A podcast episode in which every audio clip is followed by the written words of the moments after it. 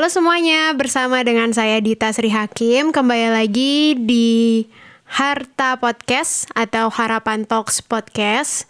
Untuk episode pertama ini Kita bakal ngundang satu narasumber Asik. Ini temen aku atau adik kelas sih Waktu SMP ya. Bersama dengan Patrick Pareira. Halo. Gimana Patrick kabarnya? Baik, udah lama gak ketemu. Iya Ada serius 6 tahun Iya, kayaknya. sekitar enam enam tahunan. tahun gak ketemu ya. Dekat banget sih waktu SMP ya Gimana introduce teater. yourself Asik Iya, Gimana aku Pet?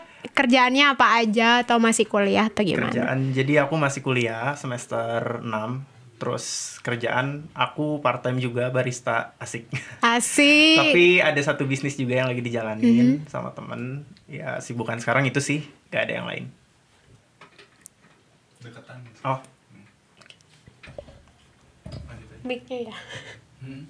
Mic-nya ya Oh, iya. Oke, jadi hari ini tuh kita di podcast Harta ini atau Harapan Talks podcast. Ini hari pertama juga podcast pertama untuk ngundang bareng sama Patrick Pareira. Asik. Perdana nih bintang tamu pertama. Iya. jadi gini, eh, di Harta ini tuh kita eh, mau ngundang banyak orang. Maksudnya ngundang banyak orang itu banyak inspirasi oke. terus kita sharing bareng bagaimana caranya kontribusi kasih inspirasi terus motivation untuk harapan Indonesia ke depannya seperti apa kan nggak harus jadi menteri dulu nggak harus Iya. jadi apa dulu nggak harus jadi ini dulu tapi dengan kontribusi kecil-kecil Oke. gitu untuk episode hari ini judulnya Youth Freedom atau kebebasan pemuda with Patrick Pareira Asik. Gitu. Oke, menurut kamu nih Patrick, youth freedom di mata kamu itu kayak gimana untuk uh, kalangan anak muda sekarang? Kalau dari sisi aku sih, sudut pandang aku tuh berkata yacht freedom tuh lebih kepada kebebasan individu yang mas- yang umurnya masih remaja untuk mengekspresikan diri mereka lebih ke cara mereka berkarya, cara mereka berpikir dan eh, cara mereka menyusun segala sesuatu untuk mencapai masa depan yang mereka inginkan gitu sih. Eh, lebih di di mana ya? Eh, lebih kayak mereka tuh ingin dihargai. Mereka tuh lebih ingin dihargai. Di situ yang disebut kebebasan. Itu sih. Secara garis besar sih kayak gitu. Berarti kalau misalnya menurut kamu tentang mm, youth freedom itu kebebasan individual, apakah ada cara lain kalau misalnya apakah harus individual terus kah atau kita harus berkolaborasi atau gimana? Menurut kamu kayak gimana? Balik lagi ke orangnya. Sebenarnya s- lebih baik itu berkolaborasi karena pasti dapat banyak ide, dapat banyak pandangan. Iya, gitu. betul, betul. Cuman eh, di sini itu lebih kenapa individual karena mereka pasti punya cita-cita kan. Mereka pasti punya eh, hal yang ingin dicapai. Gitu. Jadi bisa kadang juga ada tipikal orang yang gak bisa mencapai hal itu dengan berkolaborasi.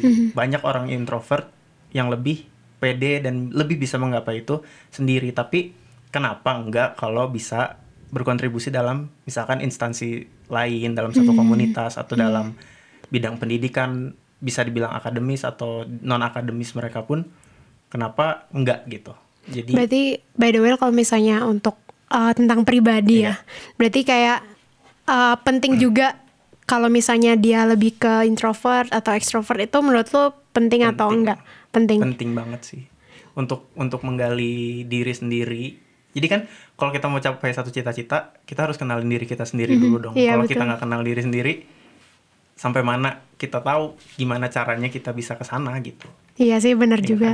Terus uh, ya gue setuju sih kalau misalnya kita berkolaborasi karena kita kan bukan di zamannya lagi challenging ya. Iya. Kita bukan apa lomba-lombaan.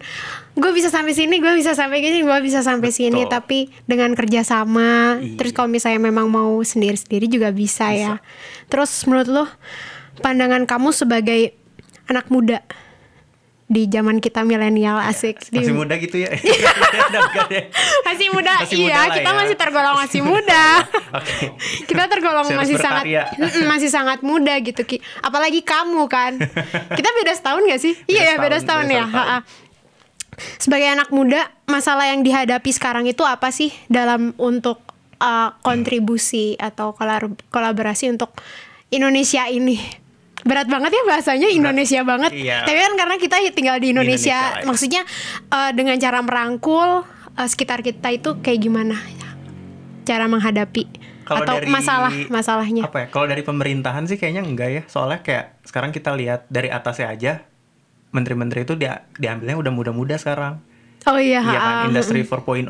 tapi kan sempat ada yang mundur juga Iya, ada yang mundur juga. Iya, karena ada kan masalahnya berat sesuatu. juga. Iya, iya, sesuatu lagi ada Cuman, sesuatu. Kalau dari sisi pemerintah sekarang sih gak, ter, gak sangat jauh dari yang namanya menutup kemungkinan anak muda sekarang tuh bisa berkarya dan bisa masuk ke instansi untuk uh, influence banyak orang Mhm. untuk merubah tatanan itu udah udah gampang banget sih sekarang yang aku lihat merubah ya. tatanan Merubah tatanan karena kan anak muda sukanya kayak gitu ya. Iya, iya. Punya pikiran langsung jebret-jebret main di direalisasikan gitu. Nah. Kan banyaknya kayak gitu. Cuman sekarang tantangannya apa ya? Lebih ke gimana lu sebagai anak muda bisa apa ya? Sustain istilahnya. Lu harus bisa bertahan dengan cerdas. tapi- sustain itu berarti kayak berkelanjutan ya Iya. Eh, bertahan sorry, sorry ya, ber- berkelanjutan maksudnya. Jadi lo harus bisa berkelanjutan. Gimana caranya? Eh, tapi secara cerdas, smart. Gak bisa yang main jebret-jebret tanpa mikir zaman sekarang tuh. Jadi segala sesuatu harus dipikirin.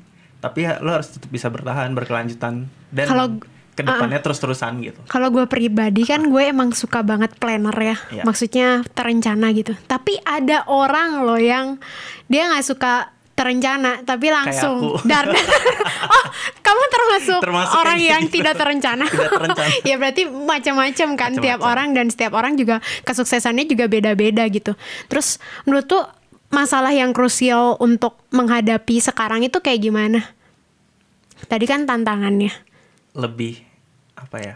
Lifestyle gak sih? lebih ke lifestyle Lifestyle ya. cycle-nya eh, cycle atau environment lingkungan lu kayak gimana mendukung lu nggak? Atau ada yang beda haluan tak apa? Mendukung sih lebih banyak yang mendukung. Cuman hal yang beda haluan itu biasanya terlihat ketika udah jalan. Kalau di awal-awal tuh iya iya aja biasanya gitu. Kalau lagi roasting lagi brainstorming tentang ide apa pun tuh biasanya oh ya iya seperti ini seperti ini. Tapi pas udah eksekusi 3-4 bulan lah biasanya itu udah mulai udah mulai wah ini nggak sejalan nih kayak gimana? Makanya banyak yang banyak yang pecah tuh di situ sih. Makanya sampai nggak bisa sustainable ya atau Iya, berkelanjutan juga iya, ya. betul banget. iya sih benar juga. Terus kalau misalnya tadi kan lu bilang dari lifestyle ya.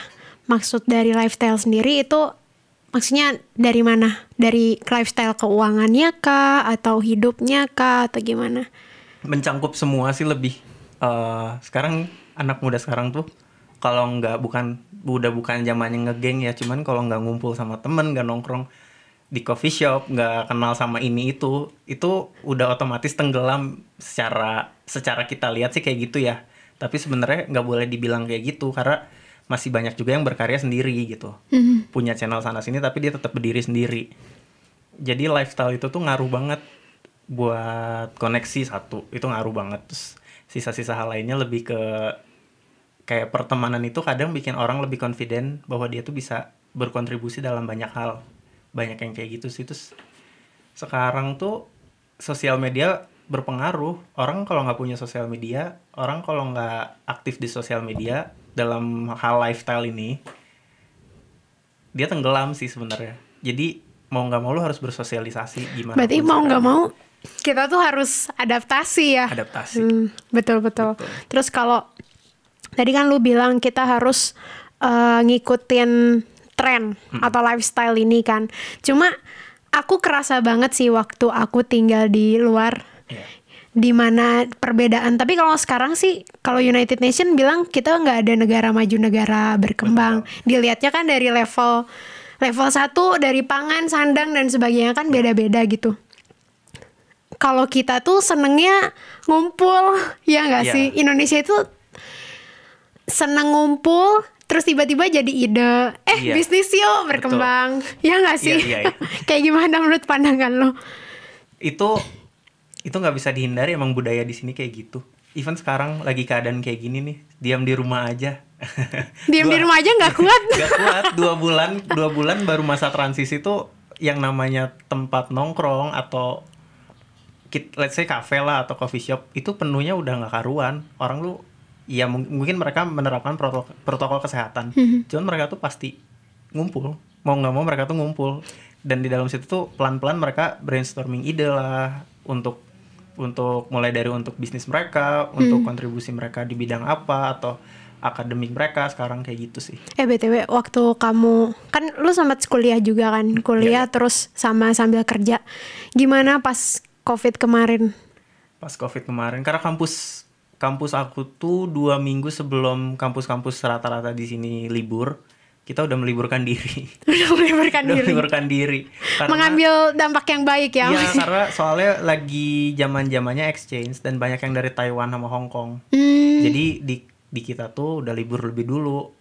Soalnya pada takut. Terus kalau kerjaan lu sama usaha lu gimana? Nah, usaha aku tuh baru dimulai justru saat di rumah aja itu gitu. Oh, Ada ide, iya.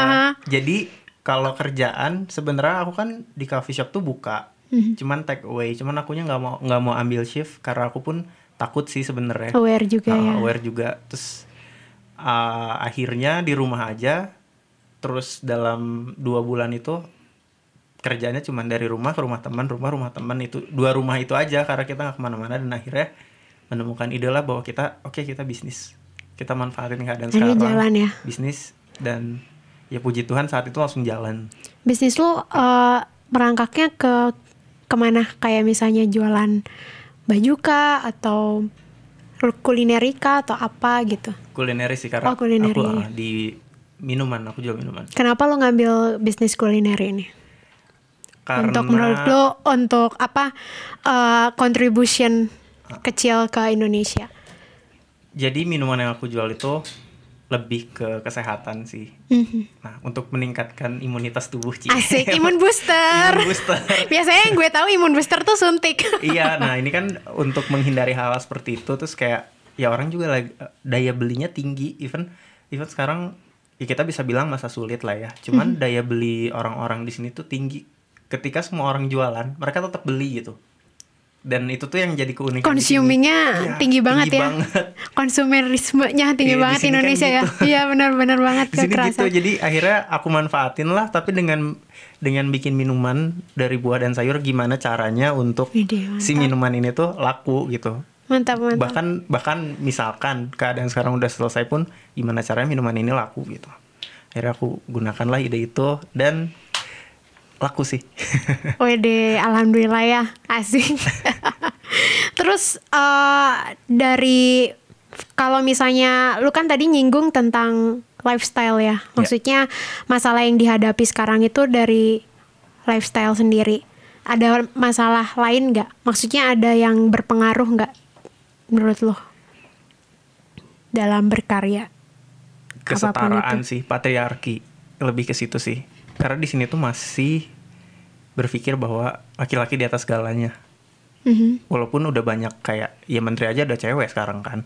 Cuman eh, lapisan-lapisan bawahnya itu lapisan-lapisan kecilnya itu masih banyak yang menganggap seperti itu gitu. Laki-laki di atas segalanya bahwa wanita tuh nggak bisa berkarya seperti ini loh gitu. Tapi lu kerasa nggak sih dari tahun ke tahun ini eh, apa mulai berubah. berubah dan kerasa. mulai ada kesetaraan itu gitu Iya. kerasa banget kan. kerasa banget Walaupun sekarang masalah-masalah atau isu tentang kesetaraan itu masih tetap terus diangkat di nggak di Indonesia aja bahkan Iya. di belahan dunia. Maksudnya di luar negeri juga gila-gilaan juga kan. Iya. Ya contohnya kayak woman empowerment, Iya. patriarki dan sebagainya. Terus kayak catcallers dan sebagainya di Indonesia kan lagi muncak banget. Tapi menurutku kalau kita tahu kan itu dari berita. ya Kalau misalnya di lingkungan lu sendiri kayak gimana? ada ada yang kayak gitu. Bahkan eh di tempat kerjaku tuh awalnya hanya terima karyawan cowok semua.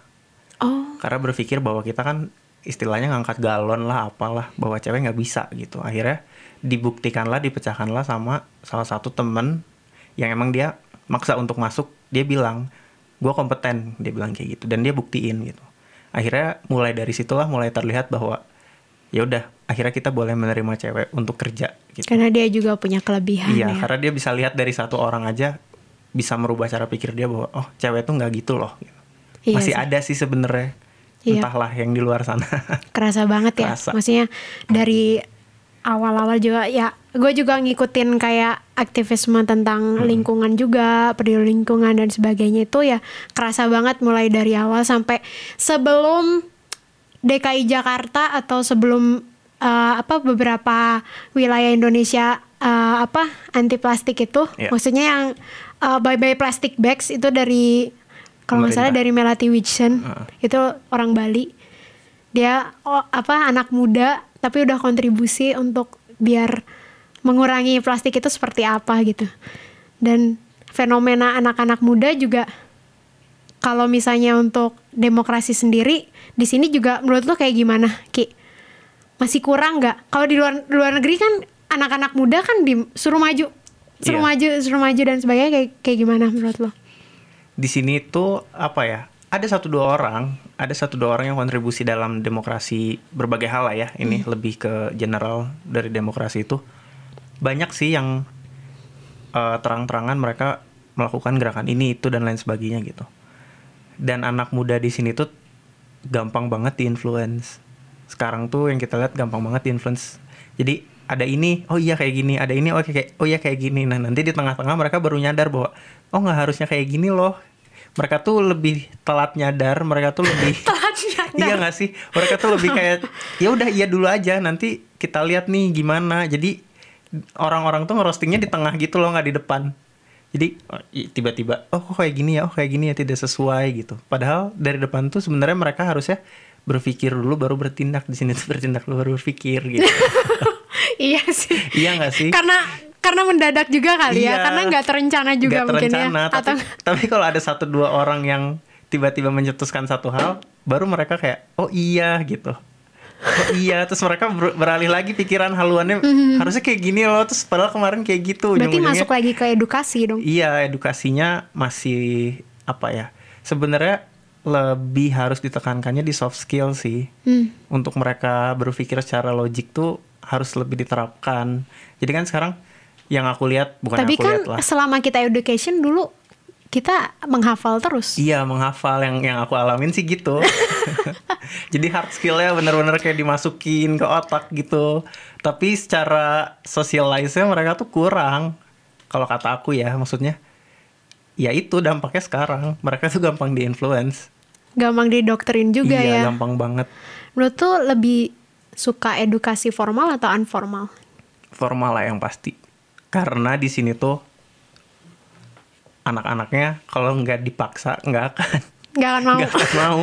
Jadi kalau sekolah itu kayak homeschooling untuk semua anak-anak dipukul rata untuk homeschooling, wah udah kacau. Di sini mah harus di sini tuh harus kayak eh lu sekolah kata nyokap itu lu sekolah dari jam segini sampai jam segini lu sekolah. Nah anak-anak bakal sekolah kalau enggak mah ya sekarang aja banyak yang bolos. Iya nggak masih ada budaya kalau Jam kita kosong. bilang budaya jam kosong atau budaya mabal apalah tapi itu. kayak happy banget ya Itu kayak, happy banget. jam kosong jam kosong Nah jadinya kan enaknya kayak gitu jadi intermezzo. Jadi mereka tetap sekolah, cuman ada hal-hal kayak gitu tuh enak aja. Kalau tapi kalau dibalikin merekanya di sekolahnya dibebasin belum bisa karena ya gitu budayanya masih kayak ya Hmm. udah kalau nggak penting nggak akan gitu. berarti emang edukasi formal atau pergi ke sekolah itu emang penting banget penting ya banget. Terus kalau uh, dari pengajaran sendiri, lu setuju gak sih kalau misalnya kita edukasinya masih tetap ngehafal dan sebagainya? Yang menurut lu nggak nggak berdampak sama sekali? No? enggak aku enggak soalnya aku ngalamin pas kuliah di kampusku ini dia sistemnya eh, flip class jadi kalau kita bilang kan eh, kadang murid nerangin ke guru gitu ya cuman di aku tuh nggak kayak gitu jadi lebih ke eh, mahasiswa dan dosen itu eh, brainstorming bareng sih mecahkan satu masalah bareng gitu diskusi dan tanpa ada batasan nggak diperintah nggak ya diperintah dalam hal ya dalam hal dalam hal bertukar bertukar pikiran tuh mm. eksperimen doing some good ideas atau apa Iya, gitu jadi dan- lebih aku yang aku alamin lebih enjoy, jadi lebih enjoy, lebih santai. Terus materi itu masuk, materi itu masuk even jadi pas ujian nggak ngafalin tuh ya udah karena udah kehidupan sehari-hari Hmm. eh, bidangnya kita di mana, yang kita pelajari apa dalam kehidupan eh sehari-hari. jurusan lu apa masa Eh, creative entrepreneur. Nah, Nah, creative entrepreneur jadi ya udah nyantai aja gitu. Jadi pas ujian udah hafal, terus poinnya dapet. Intinya sebenarnya poinnya kan dalam belajar itu, poinnya untuk untuk apa yang akan lu capai. Ketika poinnya udah ada di otak lu ya udah gampang. Jadi kalau untuk menghafal kayak kecuali sejarah ya aku nggak bisa bilang kalau sejarah, Sejarah. harus dihafal sih? Tapi kayaknya bukan harus dihafal dengan kata yang sama Iya sih. Maksudnya kita eh, menghayati oh eh, understand lah, apa Iya. ngerti tentang oh ternyata nenek moyang kita kayak gini. Iya. Oh kayak gini, bukan harus capruk eh maksudnya cap bukan capruk apa? Harus pokoknya Menghafal. ini tanggal ini harus ini harus ini, Iya. ini dan sebagainya. lebih ke iya lebih ke iya dihafalnya lebih oh iya pernah ada kejadian ini ya jadi Hmm. ya itu untuk pembelajaran gitu bukan ya bukan yang kayak tadi dihafal tahun segini gini gini gini gini kecuali memang mendalami jurusan tersebut gitu ya nggak sih Jadi untuk Hmm. filosofinya dan menghafal sebagainya. kayaknya enggak deh butuh diubah Iya. gimana cak bukan diubah ya disempurnakan untuk apa main logik juga Iya. ya maksudnya berpendapat dengan ternyata masih ada referensi ini nggak bisa kita dengan satu buku doang Iya, gitu kan masih ada referensi lainnya gitu terus eh, dari masalah tersebut yang membuat kamu mau berkarya untuk tanah lahir kita lewat mencintai diri kamu sendiri Asik. dengan cara apa solutionnya dengan cara solutionnya realisasikanlah apa yang ada di pikiran kalian edukasi diri dulu tapi jangan sampai salah langkah Eh, ikuti aturan main di sini karena kan kita tinggal di sini ya Iya. ada aturannya Tapi kan kadang orang bilang peraturan harus dilanggar. Nah itu kadang Nah. gue nggak suka. Jadi sebenarnya dilanggar itu bukan dilanggar ya, disempurnakan gak sih? Iya, betul, Ya betul, sih? betul. Jadi ada aturan di sini, mau dilawan boleh, tapi dengan hal yang jauh lebih baik gitu dan evidence based satu lagi evidence based itu penting gitu. Jadi nggak bisa asal-asalan, lebih ke boleh berkarya semau semau lu, tapi nggak bisa asal-asalan gitu. Iya. Dan harus berguna. Itu baru yang dinamakan kontribusi. Asik, ya betul betul. ya nggak sih kalau nggak berguna kayak ya udahlah. Terus harapan ke depan lu untuk pribadi kamu sendiri dan para pendengar harta ini apa? Untuk aku.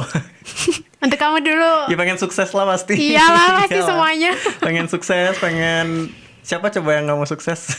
Iyalah, semua pasti mau sukses. ya lebih jadi pribadi yang baik. Asik kayak lagi ini ya. kayak lagi pendalaman iman. Enggak laki. Enggak jadi lebih pribadi eh jadi pribadi yang lebih baik pasti terus jadi orang yang berguna, bisa kontribusi itu pengen banget. Eh bertukar pikiran, bertukar bertukar ilmu keliling dunia yang pasti tapi Amin. tapi tidak mau Lu melepaskan keluarga negaraan sih. Seneng banget ya traveling a lot.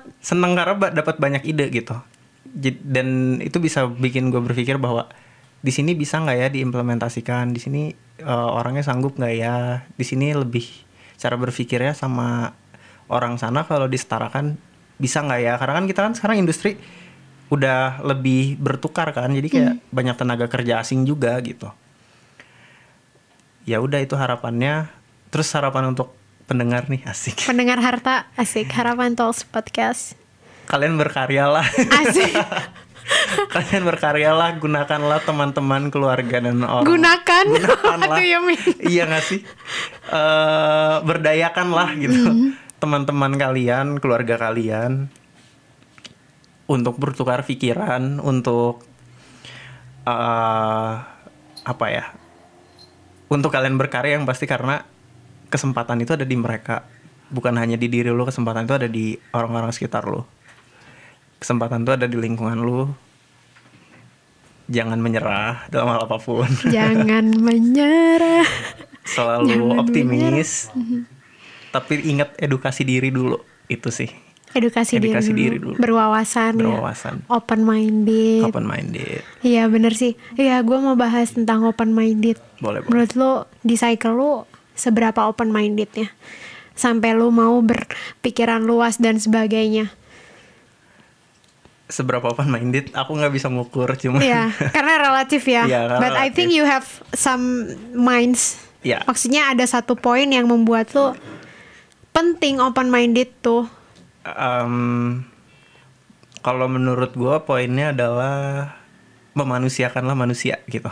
Asik, iya iya. iya. Ya karena ketika orang merasa dihargain itu bukan seneng sih, mereka lebih ke oh iya feeling confident bahwa mereka tuh manusia, mereka bisa berkarya, mereka bisa berkontribusi. Jadi eh, open minded di sini tuh pikirkanlah perasaan orang lain dan jadikanlah mereka manusia seutuhnya gitu.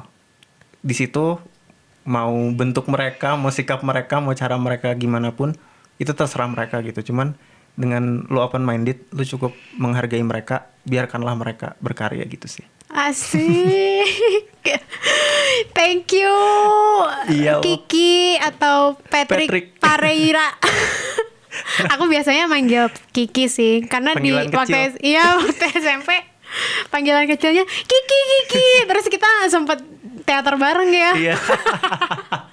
teater banget dan kangen banget sih masa-masa waktu SMP ya thank you banget ya Ki Aku yang thank you diundang. udah mau jauh-jauh datang ke studio asik. Asik. Terus nanti semoga kita bisa ketemu lagi, nge-podcast bareng lagi. Selalu. Dan terima kasih juga untuk semua para pendengar Harta atau Harapan Talks podcast. Semoga hari ini podcast hari ini dapat menjadi suatu kebahagiaan, Asik. dampak baik Harus dan bermanfaat untuk kita semuanya asik, siap-siap. dan pribadi juga. Dengan saya Dita, Dan saya Patrick. mengucapkan terima kasih. Tunggu episode selanjutnya. Salam Hope Team Indonesia. One share, one life.